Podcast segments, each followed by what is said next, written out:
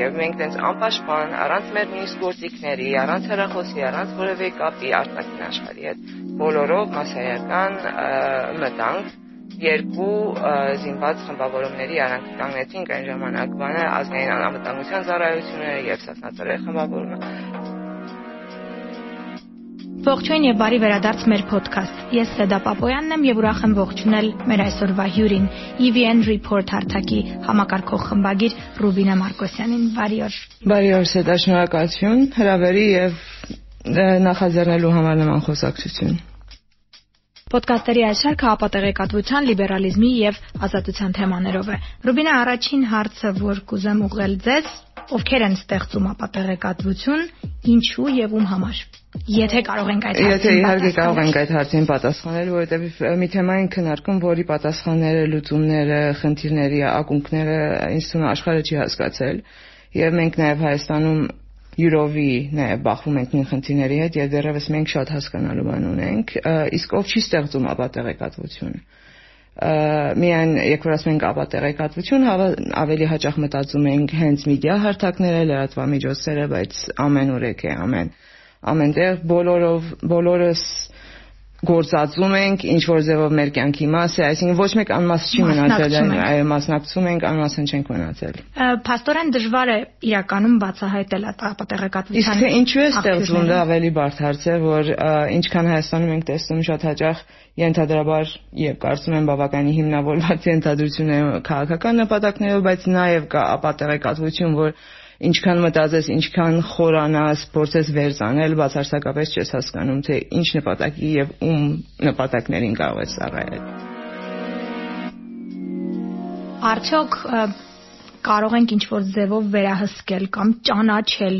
այն լրատվական աղբյուրները, այսպես ասենք, որոնք հստակ ստեղծված են ապատեղեկատվություն տարածելու այդպիսին մթնոլորտը խորացնելու համար։ Դրանք արդյոք հեշտ ճանաչելի են։ Նույնիսկ մասնագիտական շրջանակներում, երբ որ ամեն ինչ հետևում ես, ամեն ինչ կարդում ես, ինչ որ միտեղ հասնում է, որ երբեմն նույնիսկ դու ես մոլորվում, թե արդյոք ինչ է լինում, որովհետև իհարկե կան հարթակներ, որ միանշանակ նույնիսկ ծիծաղելի ասիճանի ապատեղեկատվական են, բայց նաև կան հարթակներ, որոնք շատ հեշտությամբ են մոլորեցնում եւ կարող են շատ երկար ժամանակ ունենալ մեկ դիմակից, մեկ էլ շատ կարևոր իրադարձային իրավիճակում դիմագիծի փոփոխություն լինի, իհարկե ամբողջ լեքսիկոնի փոփոխություն լինի, բառապաշարի փոփոխություն լինի։ Ես միշտ երբ որ մեդիա գերագիտության մասին եմ խոսում, այդքան ժամանակ չունենք հասցնելու, հասունանալու, դառնալու մեդիա գերագետ բոլորով Իհարկե հրաշալի է, որ դպրոցներում կարող է դասավանդվել, հրաշալի աշխատանք է անում մեդիա նախաձեռնությունների կենտրոնը, բայց միջև այս սերունդը մեծանա, դառնա մեդիա գրագետ արդեն սպառող,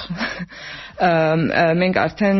իրավիճակ ունենք որ պետք է ինչ որ ձևով հաղթահարենք։ Մյուս չափորոշիչը իմ համար շատ հաճախ միդիագրագիտության իմ, իմ սեփական մայրն է,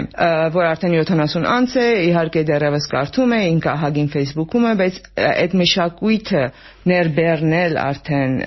այդ սերունդի մեջ ասելով, որ խնդրում եմ ուշադրություն դարձրու ինչ ես կարդում, բայց ինչ ես կարդում նաև ինան ոչ բան չի ասում, կամ երբ որ ինքը հերոստացույց է նայում, ինքը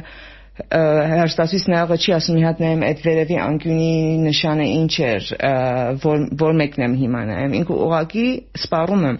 այդ մեդիագրագիտության ֆրոնտում ասենք թե դերևս այդքան ժամանակ չունենք բանանելու մյուս կողմից մտածում եմ որ ինչ կարող ենք մենք անել լրագրողներով կամ խմբագրերով Իհարկե լրագրողի կամ խմբագրի կամ լրատվամիջոց արժանապատվության հարց կա։ Մենք այսօր որպես մասնագիտական խմբավորում կայացած չենք, մենք այսօր չենք խառնվում թե մեր գոլեգան ինչքանով է բոլոր նորմերը խախտել, հա, մասնագիտական, բարոյական նորմերը լրագրության խախտել, թե նույն մարդը, որ աշխատում է մեր կողքին, հենց որևէ press conference-ի ժամանակ միկրոֆոնով կողքդ է կանգնած, ինքը ինչքանով ինչ ինչ է խախտում էթիկայի, ինչ կխախտում։ Մենք բացարձակապես այդ հարցերին չենք մանանում։ Այ եթե որպես հասարակություն նաև ավելի խմբավորվենք կամ միգուցե ավելի բարձրաձայնենք մեր մտահոգությունը։ Այսօր որպես այդպեսին մեկ լրագրողից մյուս լրագրողի նկատողություն կամ քննադատություն չի լինում եւ մենք ինքներս ներքին կարգով չենք փորձում կարգավորել կամ բարձրացնել նշաձողը ինչ որ ձևով Ռուբինա շատ լավ օրինակ նշեցիք ես էլ հասկացա որ իմ մայրիկի խորհրդատուն եմ հաճախ այնքան եմ այդ թեմայի մասին խոսել ինքը ինձ հարցնում է այ այս լրատվամիջոցը արժի ապահով է կարդալ եւ իսկապես այդ խնդիրը կա որպես այդպեսին հասարակության տարբեր շերտեր։ Հələ մեր մայրիկները բախտավոր են որ ունեն մարդ որ կարող է իմ մեկ օրինակ բերեմ կորոնավիրուսի առաջին ամիսներն են հենց այդ լոկդաունի ընթացքներ առաջին լոկդաունի ընթացքներ եւ գիշերվա 11-ից զանգ եմ ստանում մամայիցս ասում է Փաշինյանը հրաժարվել է Ես ինչպես ոչ, ոչ, ինչպես մի հատ ուղարկի աս տեսնեմ ինչպես իմացա որ Փաշինյանը հրաժարվել է ու բարձրում է որ արդեն այստեղ նույնիսկ լրատվամիջոց կամ ինչ որ հարթակ չկա հետևում, հա ինչ որ մեկը վերցրել է 2018 թվականի ընտրություններից առաջ Փաշինյանի հրաժարականը, որտեղ ասում է, որ ես հրաժարվում եմ, որպեսզի գնանք արտահերտների, թվականը փոխել է, նորից YouTube upload է արել եւ շրջանառում է, այսինքն այսպես հասիատել էս պարագայում չկա։ Այո, տարիքային խումբ կա ու մոտ արտահայտություն է ձևավորվել Facebook-ը գրել էր։ Facebook-ն ասել էր, բայց այս պարագայում, այսինքն նույնիսկ Facebook-ը չէր, YouTube-ն էր եւ այնտեղ ասիատեր անգամ չկար։ Ռուբինա, հիմա կուզեմ վերադառնանք լրատվամիջոցների խնդիրներին, հատկապես նրանց, որոնք որ առնչվում են ապատեղեկատվություն ստեղծելու կամ գուցե առնչվում են այդ թեմային։ Ֆինանսավորումը մի ուղղություն է, մի հիմք է, որտեղից սկսվում է լրատվամիջոցը որպես այդպեսին, այսինքն չի կարող լինել լրատվամիջոց առանց հստակ ֆինանսական աղբյուրների, հստակ մոդելի եւ այլն։ Շատ տարբեր են Հայաստանում էլ այդ մոդելները։ Իդեպ DCN-ի միջազգային փորձից մենք գիտենք, որ քանի որ աշխատում է տարբեր երկրներում եւ հատկապես տարբեր լրատվամիջոցների հետ, որ կայուն մոդելներ կամ իդեալական կայուն մոդելներ գրեթե չկան փորձեր արվում են տարբեր փորձարկումներ արվում են երբեմն միջավայրից ու երկրից կախված որոշ բաներ աշխատում են Հայաստանի դեպքում արդյոք կապ ունի թե լրատվամիջոցի ֆինանսները որտեղից են գալիս եւ այդտեղից գուցե հիմք է առնում ապատեղեկատվությունը որպես գիծ ընտրելու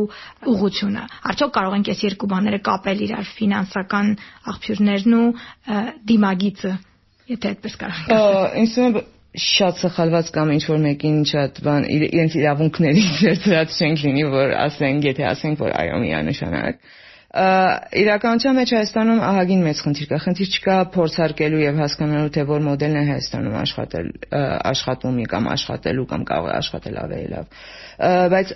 դա անելու համար նաեւ պետք է ապահովագրություն ինչ որ մի ձևով ունենա։ Այսինքն այսօր նորաստեղծ մեդիան, որ կարող էր փորձարկել ինչ որ նոր մոդել առաջ բերել, հասկանալ ինչ աշխատում է, ինչը չի աշխատում,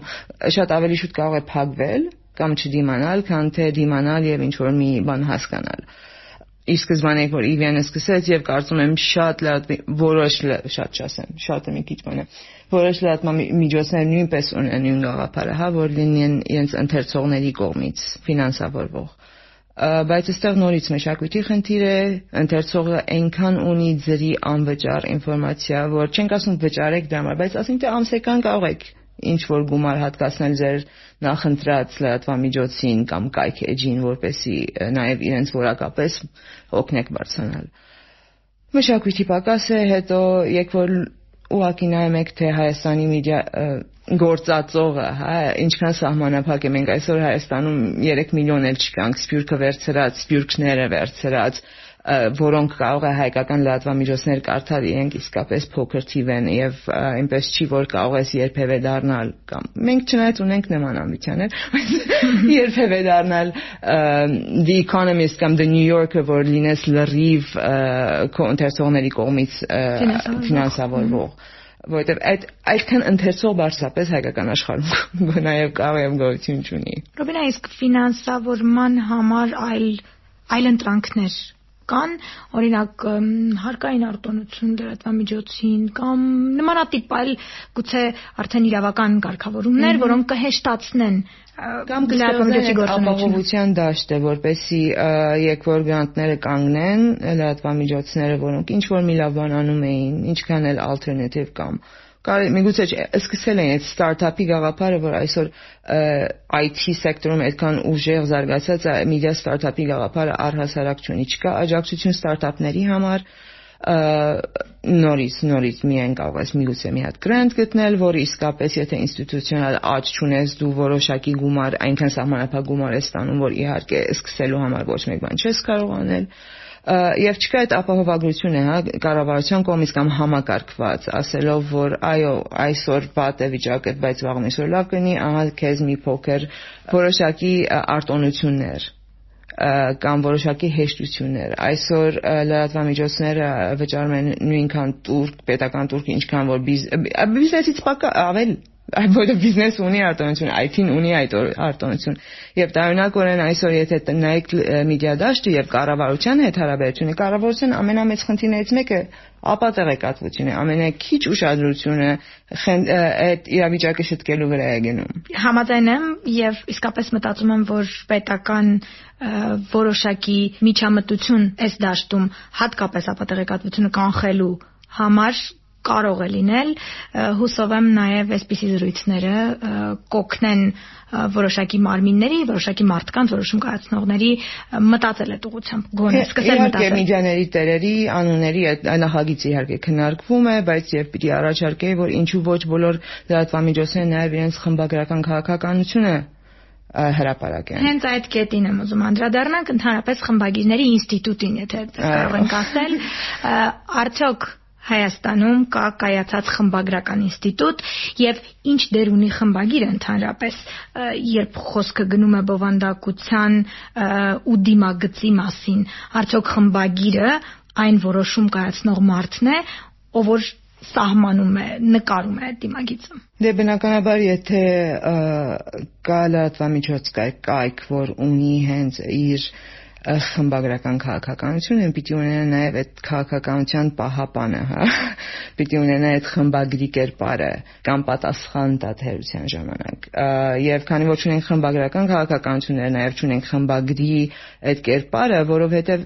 առհասարակ ձեռք չի տալիս, երբ որ ինչ որ կայք էջերում տեսնում ես ապատեղեկատվություն, դա պատասխան հասեատեր չկա բնականաբար։ Եվ այդ պատասխանատվության զգացողությունը բնական ոչ ոք շատ քչերն են այսօր գրում։ Շատ լավ, Ռուբինա, իսկ ճիշտ եմ նկատել, գուցե ձեր փորձից էլ կարող եք կիսել, որ գոնե վերջին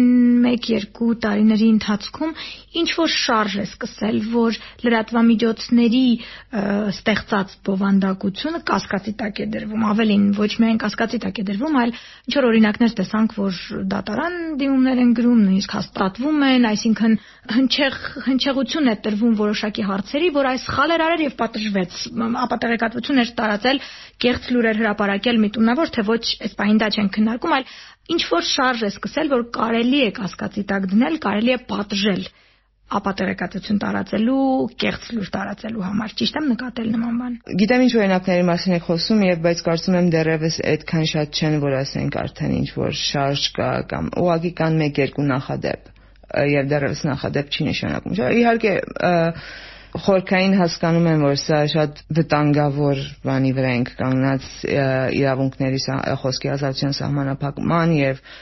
իրականության ուրիշ դաշտը եւ մեկ փոքրիկ վրիպում կարող է շատ վատ հետևանքներ ունենալ։ Դրա համար բայց գոնե խոսակցությունը այդ ամեն ինչի շուրջ սպառողին էլ մի տեսակ դրամադրում է որ կարելի է նման բան անել բայց նաև այդ օրինակները ինչ նրանք որոնց մասին հիմա ես հիշեցի եւ ես գիտեմ սովորաբար հենց անձն է դիմում եւ ոչ թե համակարգային է։ Նորից վերադառնանք դրան, եթե առհասարակ մեկ ուրիշ լրագրողը դիմեր ուրիշ լրատվամիջոցի մեջ կամ առհասարակ ինչ որ ավելի ինստիտուցիոնալ մարմին դիմեր լրատվամիջոցի մեջ իհարկե պատկերը տարբեր կլիներ, բայց երբ որ անձի արժանապատվության վիրավոր բանի կամ ապատեղեկատվության մասին է խոսում, նաև նորից մնում է քաղաքացին դեմ հանդիման ապատեղեկատվության դե քաղաքացին սպարագային շատ ավելի հաճախ քաղաքական գործիչներ են, բայց նաև վերջի վերջո քաղաքացին։ Հույս ունենանք, որ գոնե անհատներից սկսվող այս process-ը ինչ որ առումով կհասցնի մասամբ նաև ինստիտուցիոնալ գոնե փոփոխությունների կամ շարժի, ոնց որ որ դուք նշեցիք։ Եվ ամփոփելու համար մեր զրույցը կուզեմ նաև անդրադառնանք մի հարցի ի վերջո հաշվի առնելով լրատվամիջոցների շատ տարբեր փորձառությունը տեղեկատվության հետ աշխատանքի, ապա տեղեկատվության դեմ պայքարի, եթե ոմանք պայքարում են, կա ինչ որ մեթոդ, ինչ որ մոտեցում, որով սպառողը կարող է մաքրել դաշտը եւ թողնել այն իր համար ապահով, քիչ վտանգավոր, վստահելի լրատվամիջոցները եւ մի տեսակ կողմնորոշվել։ Այ մեր մայրիկների դեպքում իրենք ունեն մեզ եւ կարողանում են խորհուրդներ ստանալ շատերը ճունեն ոլորտում աշխատող, ոլորտից հասկացող մարդիկ եւ ունեն խնդիր ի վերջո, այս ինչ որ ես կարդում եմ, մաքուր է, թե պիտի փակեմ Կա ինչ որ ձև այդ ամեն ինչում կողմնորոշվելու։ Ուրիշ մեկ խնդիր կա, այսօր ընթերցողը ընտրում է այն հարթակները, որոնք արդեն իրեն հոգեհարազատ են։ Եթե բնականաբար, եթե գիտես, որ կա կոռուպցիա եւ գիտես, որ հետազոտության կարիք կա, դու կարդում ես հետք դրանով չհետաքրքրվող երբեք չի գնա եւ ինչքան էլ հետքը իրեն մատուցես եւ բացատրես երբեք չի մարդիկ կարդում են ուղակի այն ինֆորմացիան որը ուղակի կհաստատի կամ կվերա նորից կկրկնի այն ինչին որ իրենք արդեն հավատում են սա արդեն խնդիր է մեր մոտ մեկ ուրիշ կողմից